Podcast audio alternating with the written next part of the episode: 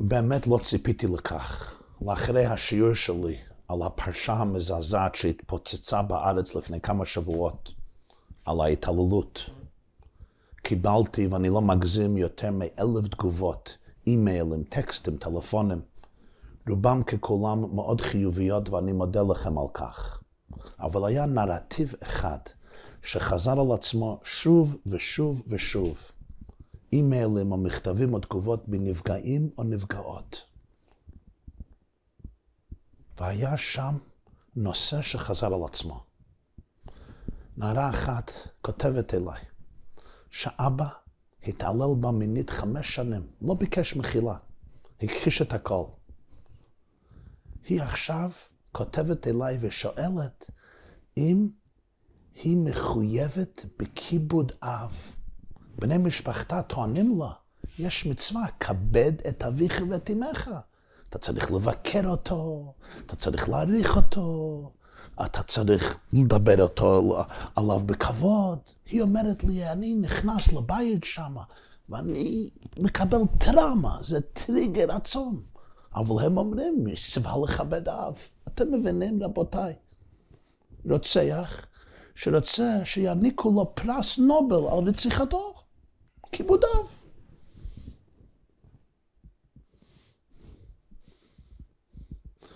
נערה כותבת עליי, היא עברה התעללות מינית. היא הגיעה לאימא, סיפרה לאימא מה שקרתה, מה אימא אומרת לה. אנחנו מגיעים ממשפחה מאוד חשובה. את מיוחסת. תשתקי, לא לדבר על זה. אברך מטלפן אליי, מצלצל, אומר לי, הוא עבר התעללות בקהילה שלו כמה שנים. לשבת שעברה, הוא שלח את הילד שלו להיות עם סבא, עם אבא שלו. אז לפני שבת צלצל לאבא שלו ואומר, תשמע, בבקשה, בבקשה, לשים עין על הילד במשך כל השבת. בבית כנסת, בבית מדרש, בבית, שאף אחד לא יעז לנגוע בו במקומות פרטים. והוא אומר לי בכאב, אבא שלי אומר בטלפון, תפסיק עם זה כבר, אתה מבוגר, יש לך שבע ילדים, אתה בן 45, תשכח מזה. אברך כותב לי, הוא בן 50. 40 שנה שהוא משתוקק וצמא, שאבא ואימא יאמינו לו, יפגינו אמפתיה, ירגישו את הכאב שלו. וכהנה וכהנה רבותיי, וראיתי שאנחנו פשוט עדיין לא תופסים. והאמת אני צריך להגיד, שנים אני הייתי אחד מאלה שפשוט לא ידעו ולא הבינו. ולכן כהיום הזה, אני ברשותכם רוצה לבקש מחילה וסליחה. לבקש סליחה מכל אותם אלפי ילדים וילדות, נערים ונערות, בוגרים ובוגרות, אנשים ונשים וטף, שגדלו בביתנו, בקהילותינו, במוסדות חינוך שלנו ונפגעו בגופם או בנפשם או בשתיהן, ברמות או אופנים כאלו ואחרות, אם על ידי מורים, מחנכים, מורות, מחנכות, בני משפחה, חברים, מדריכים, מטפלים, רבנים. אני מבקש את הסליחה הזאת בשמי ובשם רבים מעמיתיי, שאני יודע שגם מרגישים ככה, על כך שהתעלמנו לשנים רבות מהזוועה, ביודעים או שלא ביודעים, ברצון או בשגגה, בגלל טיפשות או אמרצות, בגלל פחד או אנוכיות, בגלל בושה או סתם אדישות, בגלל כל מיני חשבונות ושחיתות. וטמטום הלב וטמטום המוח. אולי יש לכמה מאיתנו הסברים ותירוצים טובים, שונים, משונים, אבל התוצאה הסופית הייתה שהתעלמנו מהייסורים הנוראים, מהבכי השקט של כל כך הרבה נשמות יפות, המסולאות מפז, מתוקות מדבש ונופת צופים. שחייהם הושפעו ואף רוסקו כתוצאה מאותה התעללות שהם חוו בשנים הכי יפות ונחמדות ותמימות ופגיעות בחייהם. אני כיום הזה רוצה לבקש סליחה מכל אחד ואחת מכם שהושלכו עמוק לתוך בורות חשוכים ואפלים, לתהומות של כאב וייסורי גוף ונפש, ונשכחו שמה לאנחות. בורות עליהם נאמר בתורה, הבור ריק אין בו מים, וחז"ל אומרים, אבל נחשים ועקרבים יש בו. כמה מאיתנו, רבנים, מנהיגים, מחנכים, הורים, כמו חלפו בסמוך אל אותם בורות של אופל, ובחרו, אולי בשגגה, אולי בזדון, אולי באונס, אולי ברצון, להתעלם ולהמשיך הלאה כאילו כלום. אצל הרבה מאיתנו פשוט לא הייתה לנו הבנה בעומק הפגיעה, על ההשלכות של הפגיעות, שנמשכות לפעמים לאורך עשרת שנים ולפעמים לאורך כל חייהם. הרבה מאיתנו לא ידענו, ויש מאלה שעדיין לא יודעים, על הסבל שנערים ונערות אלה עוברים בחייהם, הטראומות, הפחדים, האי אמון עצמי, רגשי האשמה ובושה שלא נפסקים לרגע, שיכולים לשתק את היצירתיות שלהם, לגזול מהם כל טיפה אחרונה של שמחת החיים. הרבה מהם סובלים בזוגיות שלהם, באינטימיות שלהם, בחינוך הילדים שלהם עצמם, ברגשם לחברה, לאלוקים, לתורה, הכל בגלל הפגיעות האלה. אני והרבה מחבריי, לדאבון ליבנו, מצאנו את עצמנו מעלימים את, אוזני, את אוזנינו מלשמוע את קול דמי אחינו הזועקים אלינו מן האדמה. ולעניות דעתי, היום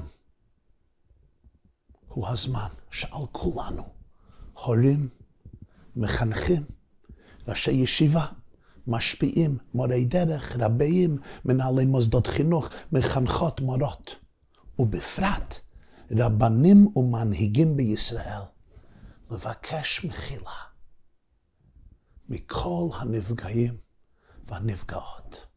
השם הם אנחנו, על אחינו, אשר ראינו צרות נפשו בהתחננו אלינו, ולא שמענו. מה הלאה? חכמינו ז"ל אומרים במסכת יומא, גדולה תשובה, היא מביאה רפואה לעולם. זה הזמן לעשות תשובה. זה הזמן להביא שיקום רפואה לעולם. ברשותכם אני רוצה להציע כאן כמה נקודות מרכזיות, שנראה לי שיש בהן הכוח להכניס אווירה חדשה, אווירה של תיקון. על הפשעים המחרידים שהשתוללו פה כל כך הרבה שנים ואין פוצה פה ומצפצף. נקודה ראשונה, מודעות. דומני שכיום הזה כולנו מכירים בעובדה שמוכרחים לדבר עם הילדים והילדות בכל גיל בצורה מתאימה ועדינה.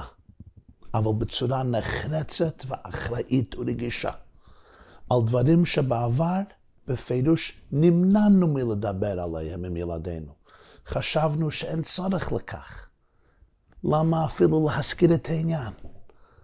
היום אין מנוס, אין מנוס, כל כך הרבה שפיכות דמים. מוכרח לדבר לילדים ולילדות על היחס, על הגוף, על קדושת הגוף. על העובדה שאין לאף אחד ואחת זכות על גוף שלך ועל פרטיות שלך. אני אומר לילדים שלי, אם אתה יושב במטבח ואוכל במטבח, בשולחן ואוכל מרק, ויש לך קרה של מרק ואתה לוקח כפית ואוכל את המרק, ופתאום מישהו מכניס את הכפית שלו לתוך הקרה של המרק ומתחיל לכך. זה מתאים? אומרים, לא, זה לא מתאים. זה לא צודק, זה לא פייר. חצית קו אדום, לא עושים דבר כזה. וזה אפילו מרק. יש בהגוף שלך מקומות פרטים. הם שייכים שלך, לך. זה מתנת האלוקים לך או לך, שבצלם אלוקים עשה את האדם. ואין לאף אחד ואחת רשות חלילה וחס לחצות את הגבול ולנגוע ולפגוע במקומות הפרטים. ובפירוש צריכים לספר להם שזה יכול להגיע מכל אחד ואחת. אין אפוטרופוס לעריות. יכול להיות דוד או דודה, יכול להיות בן דוד, קרוב משפחה, אח, אחות, רופא, מטפל, בייביסיטר, מחנך, מורה, רבי, ראש ישיבה, משפיע, גבאי של אדמו"ר, גבאי של ראש ישיבה, תלמיד מבוגר בישיבה בפנימייה, בן אדם מאוד דתי וחרדי, במחנה קיץ, במקווה, בבית המדרש. זה צריך להיות מסר מהדהד על ידי כל אבא וכל איבא, ומסר מהדהד מכל המחנכים ומורים ומורות ומנהלים, ובפרט שלפעמים ההורים הם הבעיה. לפעמים הרי רחמנא ליצלן זה אבא שמתעלל מינית בילדיו וילדותיו. ואנחנו מוכרחים לחנך אותם מה עושים פרקטי, אם יש סכנה כזו, אם מישהו כן משתדל לנגוע בך. כמובן, הפריוריטי, הבחירה הראשונה זה לברוח, להתרחק. אף פעם לא להיכנס למכונית בלי רשות של אבא ואימא, להיכנס לחדר בודד עם מישהו. אף פעם. ואם ממש אין שום ברירה ואתה תקוע, להרים כל צעקה. ואם ממש אי אפשר, יש פחד, יש חלחלה, אתה תקוע, אף פעם לא לשתוק, מוכרח לספר. ובל נחשוב לעצמנו שזה לא קורה אצלנו, שזה לא קורה אצלכם. פה בארצות הברית אומרים כל המומחים שאחד מחמישה ילדים או ילדות עוברים איזשהו סוג של התעללות מינית במשך שנות גידולם. המדובר על 20 אחוז.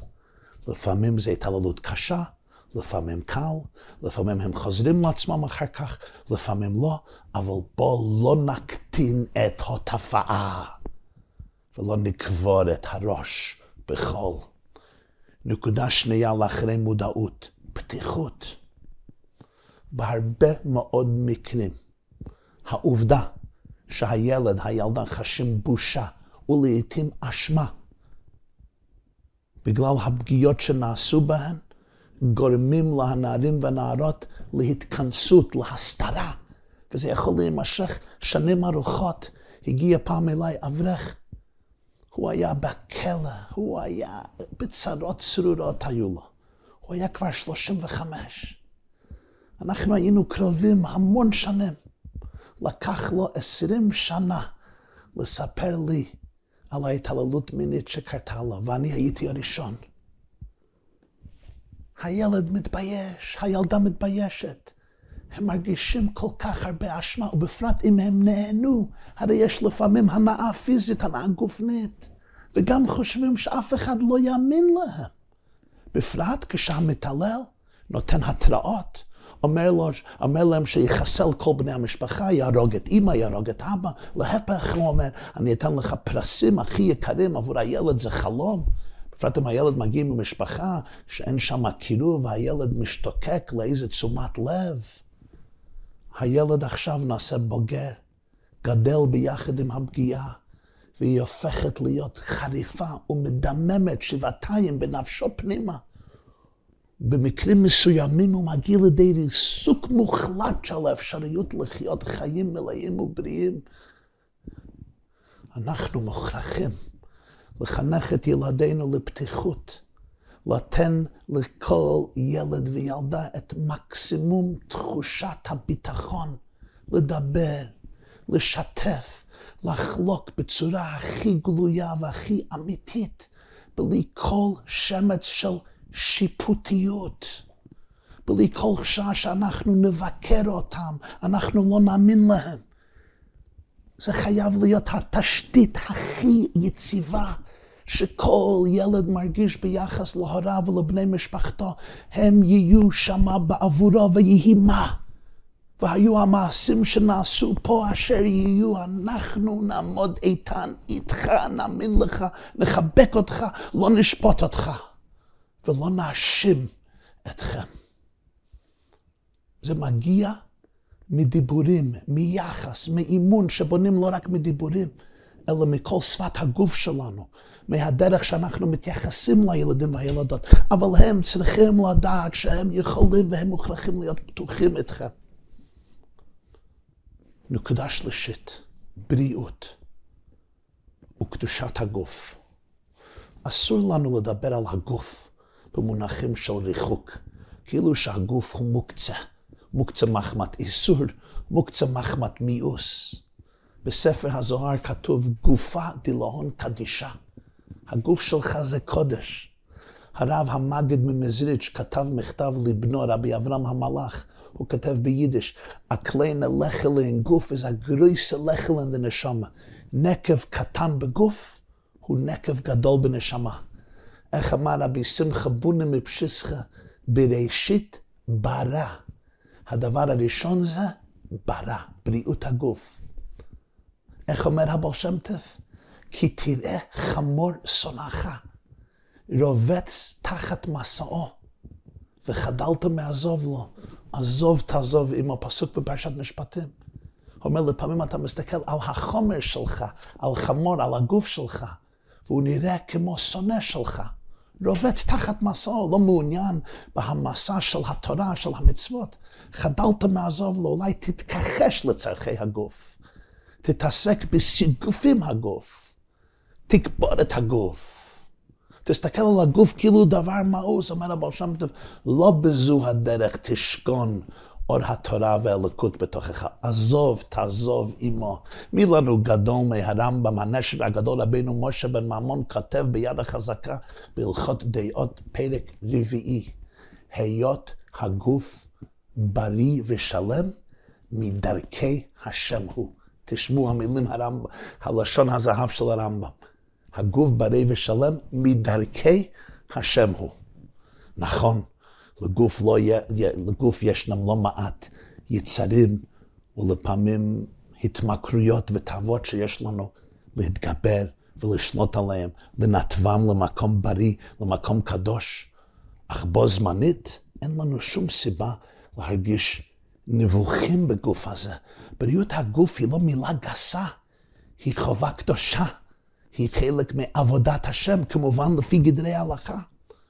פיתוח נכון של ההיבט הזה עשוי לשפר משמעותית את ההרמוניה הנכונה בין גוף לנפש, ולאפשר לכל הצעירים אצלנו להיות יותר מודעים להגוף שלהם ולזכותם בהגוף.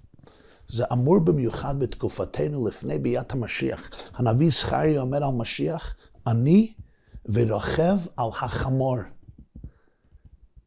כותבים חכמי החסידות, חמור זה אותיות חומר. הגילוי של הגאולה יהיה על החמור. משיח יתגלה באמצעות החומר, באמצעות העולם הפיזי, באמצעות הגוף. עידן הגאולה בהשקפת היהדות זה לא עידן של פירוד בין הנפש והגוף, זה תקופה של חיבור.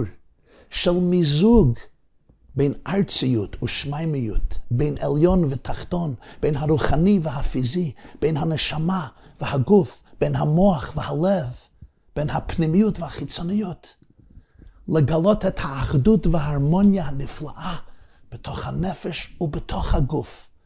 בספרי הקבלה והחסידות כתוב שבזמן המשיח הנשמה תקבל השראה וגם תזונה מתוך הגוף, והלא דבר הוא. בתקופתנו אנחנו צריכים לחנך את ילדינו וילדותינו, שהנשמה והגוף יחדיו ילכו, למלות את רצון הבורא מבלי אשר יימצא בו ראש וסוף. כי שניהם הם אלוקים, הם קדושים, הם מזוכחים, הם עדינים והם נפלאים. אז ממודעות מגיעים לפתיחות, לבריאות, ועכשיו לביקורתיות, לצערנו. הרבה מאוד מהמקרים נעשים על ידי אנשים ולפעמים נשים, שנמצאים בעמדות של כוח והשפעה, אפילו בתוך מסגרות חינוך. במקרים שכאלה מנצלים הפוגעים את מעמדם הסמכותי על מנת לבצע את אותן פגיעות. זאת מציאות שמחייבת אותנו כהורים, מחנכים, רבנים, מורי דרך, מנהיגים, הוגי דעות, לחנך את עצמנו וילדינו ליותר ביקורתיות, להבין שהעובדה שפלוני יושב בעמדה מסוימת, אנחנו משפועים ממנו, הוא מפורסם, הוא גאון, הוא אמן, יש לו ראש גדול, סופר מוצלח, איש מקסים. אין בקשה לעצמה לקדש ולהצדיק את כל מה שהוא עושה. ואנחנו מגיעים עכשיו לנקודה חמישית, הצורך ליצור פורום רציני. אנחנו צריכים באמת פורום רציני ואחראי, שכל נער ונערה, בחור ובחורה, איש או אישה, אבא ואימא, רב, מנהל, ידע שפה במקום הזה השליטה לא תינתן למושחתים. פה לא תהיה שחיתות ופוליטיקה, לא ייתנו כיסוי למישהו כי הוא ממשפחה חשובה, ממעמד חשוב, כי יש לו קשרים עם כל העליתות. אלוקים יהיה בעל הבית בפורום הזה. המוטו שלהם יהיה ארץ, אל תכסי דמי. אל יהי מקום לזעקתי. הזעקה של הנפגעים והנפגעות לא תיקבר באדמה, תנסר בחללו של עולם ויגרום לכולנו למגר את הרוע. הרי נערה שנפגעה, לאיפה היא צריכה לבוא היום? איפה היא צריכה להתלונן? היא תבוא לאנשים חשובים, אפילו רבנים, מנהלי מוסדות, הורים מסורים, והרבה יגידו, עוד שנתיים זה שידוך, מוטב שתשקטי, לסתום את הפה. עוד שנתיים תקבלי שידוך מקסים, משפחה מקסימה, ילדה מקסימה, תשתקי, הכל יהיה יפה. היא עוברת משבר, מתחילה לחתוך, לחתוך את ידיה, מפסיקה לאכול, מורידה משקל, משתיקה הכאב הנורא עם סמים. האם ידינו לא שפכו את הדם הזה? לאיפה האומללה הזו צריכה ללך? לפעמים אמא יודעת, אמא אמרה לי, היא יודעת שיש כאן סיכון בשביל הבת שלה. מה היא צריכה לעשות, היא אומרת לי? לבודד את כל המשפחה? כולם יצעקו עליי במחקולת. מסור! על האחים שלה בבית ספר, בתלמוד תורה, בחדר, ושם יצעקו, מויסרים, מויסרים, מויסרים. הרי זו חלום בלעות. הנערה הזו נרצחה נפשית. אחר כך היא נהפכת למסור, לרוצח, למתעללת, למזיקה, לשפכת דם. זו עובדה. הרבה הגיעו לספר במשך השנים. נערים, נערות, צעירים, צעירות, מבוגרים, מבוגרות, נדחו בשתי ידיים. נערה מספרת לי, כותבת לי, אני הגעתי לספר. אמרו לי, אמרו לה, זה לא קורה אצלנו. זה לא קורה אצלנו, זה סתם הגזמה. פעם אמרו לה, היה פעם אחת, נו, יש לי יצר הרע, מה את רוצה? יש ביטוי במסכת יומא ברמב"ם על השעיר לעזאזל. תחייתו זוהי שחיטתו. אני אומר לכם, כשמדחים נער או נערה, זו ממש שחיטה שנייה. לא מספיק השחיטה הראשונה עברו, עכשיו עוברים שחיטה שנייה. תחייתו לעזאזל, זוהי שחיטתו. פיקוח נפש ממש להעמיד בתוכנו פורום אמיתי, ועידה אמיתית.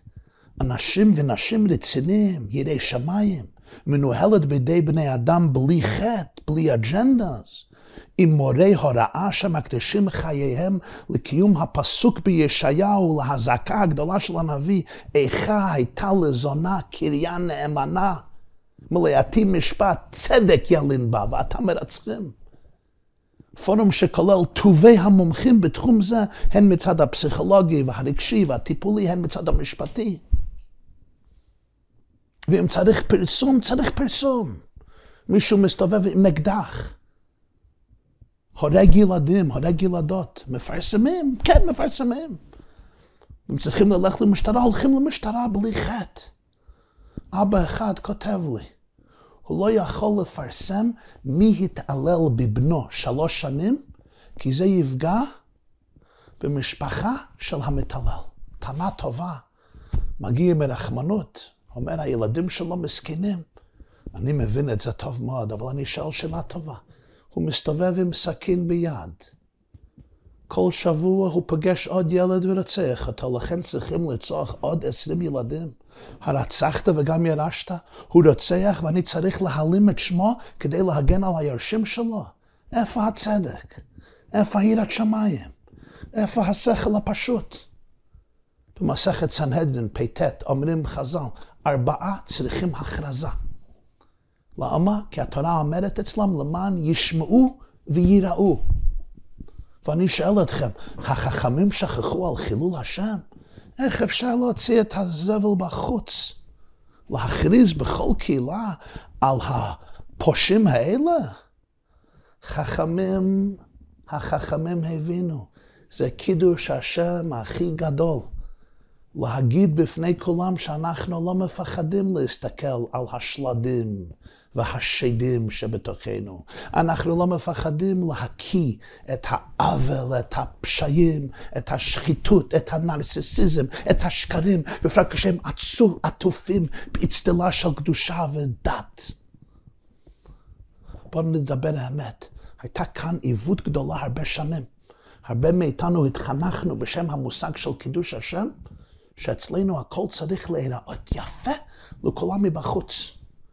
איך פירשנו חילול השם? חילול השם פירוש שהזבל לא יראה אף אחד מבחוץ. מבחוץ, הקהילות שלנו צריכים להיראות הכי יפה, וזה יפה מאוד, אבל מה קרה לכל הזבל? נשאר בפנים, ואנחנו הענקנו רשות שזה יעשה חורבנות בנפש ילדינו. אנחנו חיללנו את המושג של קידוש השם וחילול השם. הענקנו לעצמנו לתלמיד, ולתלמידינו פירוש מעוות, שקידוש השם פירוש שהכל צריכים לכסות מתחת לשטיח. וכל הפגיעות, בל ירו, בל ימוצא. לא יודעים, לא מדברים, וזה קידוש השם. תסלחו לי. אני חושב שאנחנו צריכים להעדיף את הפירוש של בעל התניא. הוא כותב, לא תחללו את שם השם מלשון חלל. חילול השם פירוש לעשות חלל. לא תחשבו שיש מקום פנוי, חלל, בלי נוכחות השם. אין עוד מלבדו. אל תחשבו שהשם לא מסתכל ולא רואה כל מעשה התעללות, כל מעשה של שפיכות כדמים וכל מעשה של כיסוי השפיכות דמים. חילול השם זה גם בפנימיות הלב, כשאני מאמין שזה מקום חלל. שהשם לא נמצא ולא רואה ולא מסתכל. איזה קלון לריבונו של עולם, שבשם קידוש השם ובשם איסור לשון הרע ובשם איסור הלבנת פני חבר ברבים אנחנו מרשים שפיכות דמים להימשך. האם יש חילול השם גדול יותר מזה? האם יש קידוש השם יותר גדול מלמגר את האכזריות ואת הרוע? שכולם ידעו שאצלנו לא נסתום פיות של ילדות חפות מפשע ושל נערים מתוקים. אוי לו אותה בושה או לו אותה כלימה שיש חברה שלכאורה מוקדשת כל כולה לחיפוש האמת, והיא נהפכת למקום שבו האמת נעדרת. וברשותכם, תרשו לי לדבר רגע לאלה שמתעללים, לאלה שפוגעים, לאלה שיש להם דחף לנגוע בילדים, לנגוע בילדות, לנגוע בנשים או באנשים.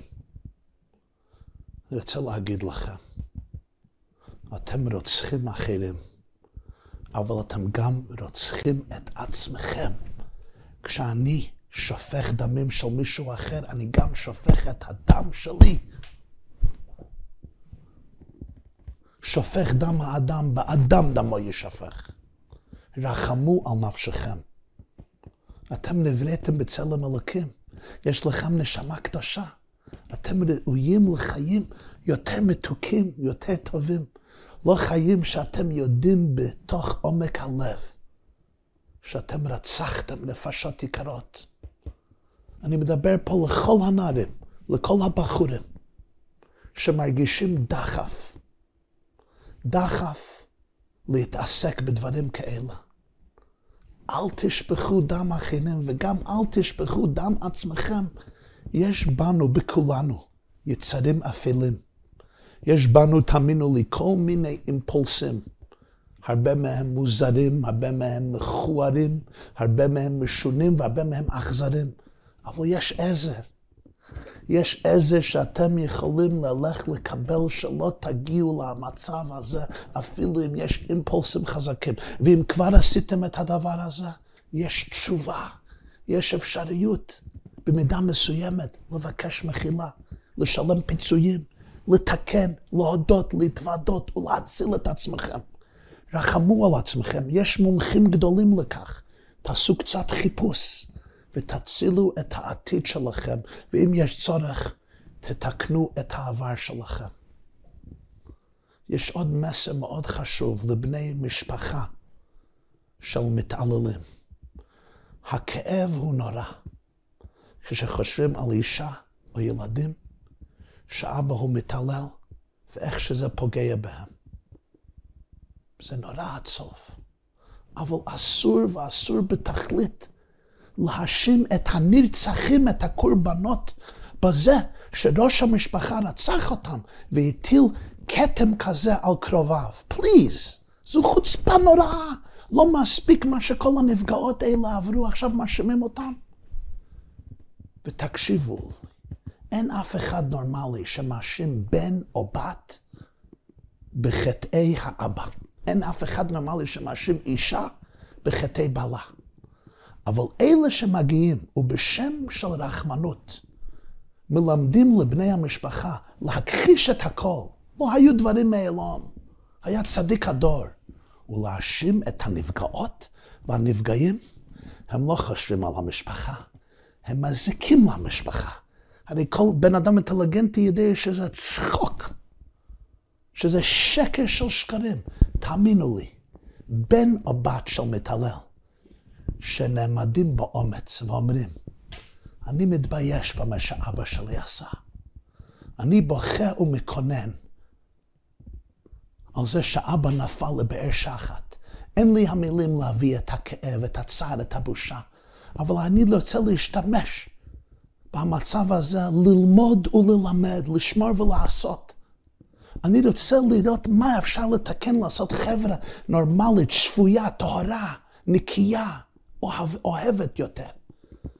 העם ילטף אותם באהבה, בחיבה, בנאמנות. העם שלנו מאמין בכל ליבו בדברי התורה, ובנים לא יומתו על אבות, איש בחטאו ימותו. העם שלנו מאמין לדברי הנביא יחזקאל, אבות יאכלו בוסר ושיני הבנים תקנה. ילטפו אותם, ילטפו אותם בחיבה, בהוקרה, בכבוד. אבל שנדבר אמת. שנפסיק להשקר לעצמנו ולכל העולם. ברשותכם, כמה מילים לנפגעים ולנפגעות בעבר ובהווה. התקופה משתנית. יש תחיית המתים. לא כולנו, אבל הרבה מאיתנו מתעוררים קצת. מוכנים לראות את האמת להסתכל עליכם בעיניים. ואני אומר לכם, אנחנו נאמין לכם. אנחנו לא נזרוק אתכם לבור פעם שנייה. אנחנו לא נעשה דחייתו זו ושחיטתו. אבל תדברו, אל תשתקו. תדברו על עצמכם, תדברו על חוויות שעברו אחרים או אחרות. תדברו, תצעקו, אנחנו רוצים ואנחנו נאמין לכם. אבל אנחנו מתחננים בפניכם. תדברו. תגלו את האמת. תנו לנו ההזדמנות לשוב בתשובה שלמה ולחבק אתכם בנאמנות, בחום, בכנות. אני יודע מתלמידים שלי, מתלמידות שלי, מחברים, שזה לא קל. אצל הרבה מאיתכם קשה פשוט להתעורר בבוקר לצאת מהמיטה ולחבוק את היום החדש בשמחת חיים. בפנימיות הנפש שלכם, הרבה מאיתכם מרגישים כיעור, כיעור פנימי ונפשי. האם אני יכול להזכיר לכם סיפור נפלא בגמרא, במסכת תענית דף כ'. הגמרא מספרת, היה תנא גדול, אחד מהחכמים הגדולים, רבי אלעזר בן רב שמעון. והוא חזר מלימוד בישיבה מבית רבו, היה בשמחה גדולה, היה במצב רוח טוב. נזדמן לו אדם אחד שהוא חשב שהבן אדם ההוא מכוער ביותר. וכשהבן אדם הזה אומר לרב אלעזר, שלום עליך רבי, הוא עונה לו, כמה מכוער אותו האיש, יש בך כיעור כל כך עמוק. כל בני עיריך מכוערים כמותך? אומרת הגמרא, הבן אדם הזה אומר לו, אני לא יודע, אבל לך ואמור לאומן שעשני, כמה מכוער כלי זה שעשית. רבי אלעזר, בקרדיט שלו, ידע שחטא, הוא עשה טעות מרה, ירד בין החמור, נשתטח לפניו, ואמר לו, מחול לי. אומר לה היהודי, אני לא מוחל לך עד שתלך לאומן שעשני, ואמור לו, כמה מכוער כלי זה שעשית. בסיפור זה, אני חושב, החכמים, זכרם לברכה, רצו למד אותנו לקח נפלא. אפילו היה יהודי שרב אליעזר ברב שמעון הסתכל עליו, באמת ראה עליו איזה כיעור רוחני, גופני, פנימי, נפשי. לא יודע בדיוק מה הוא ראה, אבל חכמת אדם תאיר פניו זה גם ההפך. לפעמים רואים על הפנים הרבה. אבל היהודי אומר לו, לך לאומן שעשה אני, לך לאלוקים, יש אומן שיצר אותי, תגיד לו, כמה מכוער כלי זה שעשית. כל שכן וקל וחומר בנידן דידן שכל העניין של קיור לא מתחיל כל אחד מאיתכם ואיתכם צריכות תמיד לדעת שלא שייך קיור אצלכם. יש אומן שעשה אני, אתם נצר מטעי, מעשה ידיי להתפאר, עמזו יצרתי לי תהילתי יספרו. כל אחד ואחד מכם, נפגעים ונפגעות, יש בו או בה נשמה שהיא חלק אלוקה ממעל ממש, כפי שכתוב בספרים הקדושים. אתם הגילוי של אור אינסוף בעולמנו, כשם שאי אפשר להחריב ולחסל את השם, את האלוקים, כך אי אפשר להחריב נשמה. אין שום מתעלל בעולם שיכול לחסל ולהרוג ולגזול מכם את עומק האלוקות, האהבה, הביטחון עצמי, התמימות, השלמות, האמיתיות, השמחה שיש בכם. ודאי יכולים להזיק. יכולים להכניס מחשבות של דיכאון ורגשי אשמה ובושה. וזה פוגם איך אתם חושבים על עצמכם. אבל תדעו שהנקודה המהותית שלכם נשארת בשיא הקדושה, בשיא הטהרה, בשיא השלמות. אתם מלאים פוטנציאל אינסופי, אין שום מתעלל, רחמנא ליצלן, שיכול לגזול את זה מכם. האומן שעשה אתכם מסתכל על הכלי שלו ואומר, וואו, איזה כלי יפה, ואני רוצה שאתם תסתכלו בכל בוקר על הכלי, על הגוף שלכם, על האישיות שלכם, על המודעות שלכם, על ה-consciousness, על הפנימיות שלכם, על האישיות שלכם, על הראש ועל הגוף ועל המוח ועל הנפש. ותגידו גם, וואו, איזה כלי יפה, זה לא אגו. זה שכל הישר, זה אמונה תמימה, האומן שעשה אותך, שיצר אותך, לא טעה.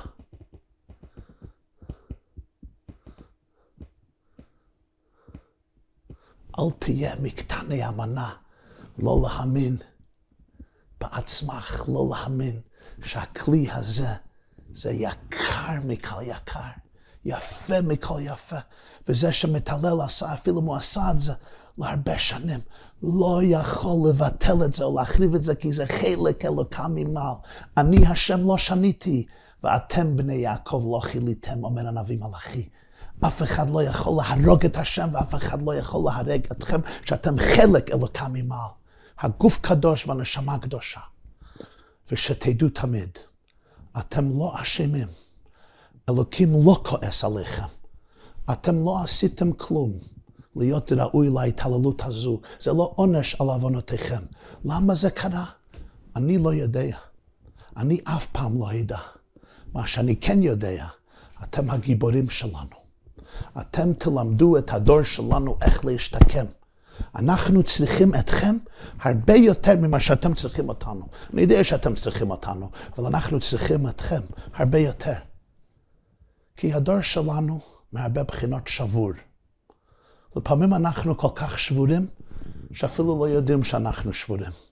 ומי הם אלו בדורנו שילמדו אותנו, שיהיו לנו לעיניים, איך להיחלץ ולהתמודד עם כל השברים וכל הפצעים וכל הטראומות, כל השברים והתרועות בחיינו. מי ילמד אותנו להפוך את השברים האלה לתקיעה גדולה, עצומה ומהדהדת, והיה ביום ההוא ייתקע בשפר גדול, ובאו העובדים בארץ אשר והנידחים בארץ מצרים. אתם, אתם השורדים, אתם שלא מוכנים לקבל את חוויית הייאוש, את ההנחה שאין תקווה לחיים, אחרי המוות הנפשי שחיוויתם. אתם שלא מוכנים לקבל את המציאות המעוותת, שאתם צריכים להרגיש בושה ואשמה מדי יום ביומו. אתם אלו שמסרבים בתוקף לקבל את פסק הדין האומלל הזה, כמה מכוערים ומכוערות נפגעים ונפגעות אלו.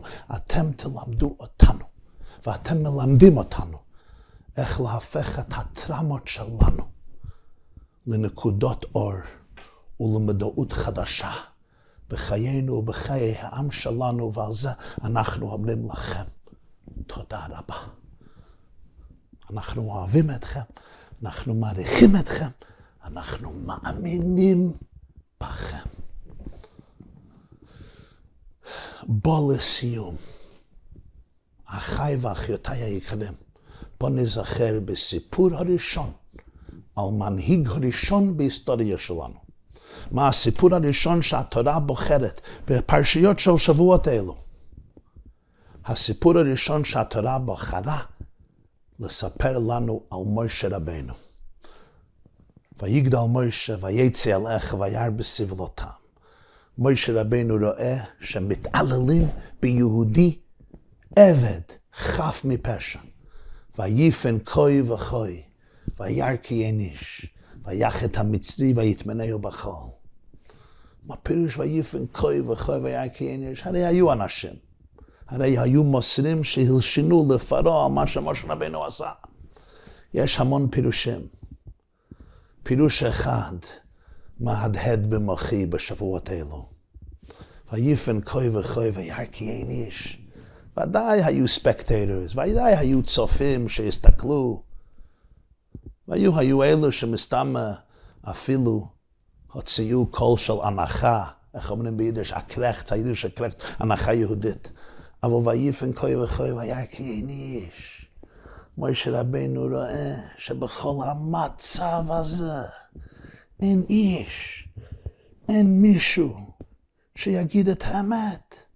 אין איש שיעמוד איתן מול הרצח, מול המתעלל.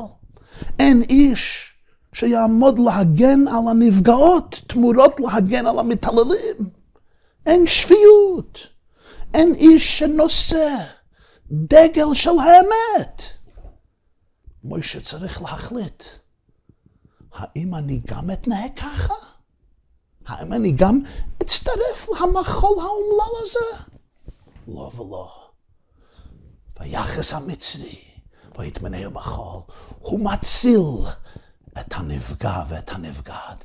זה הסיפור הראשון על מנהיגו הגדול של עם היהודי, זה שמסר את התורה לנו ולבנינו עד עולם.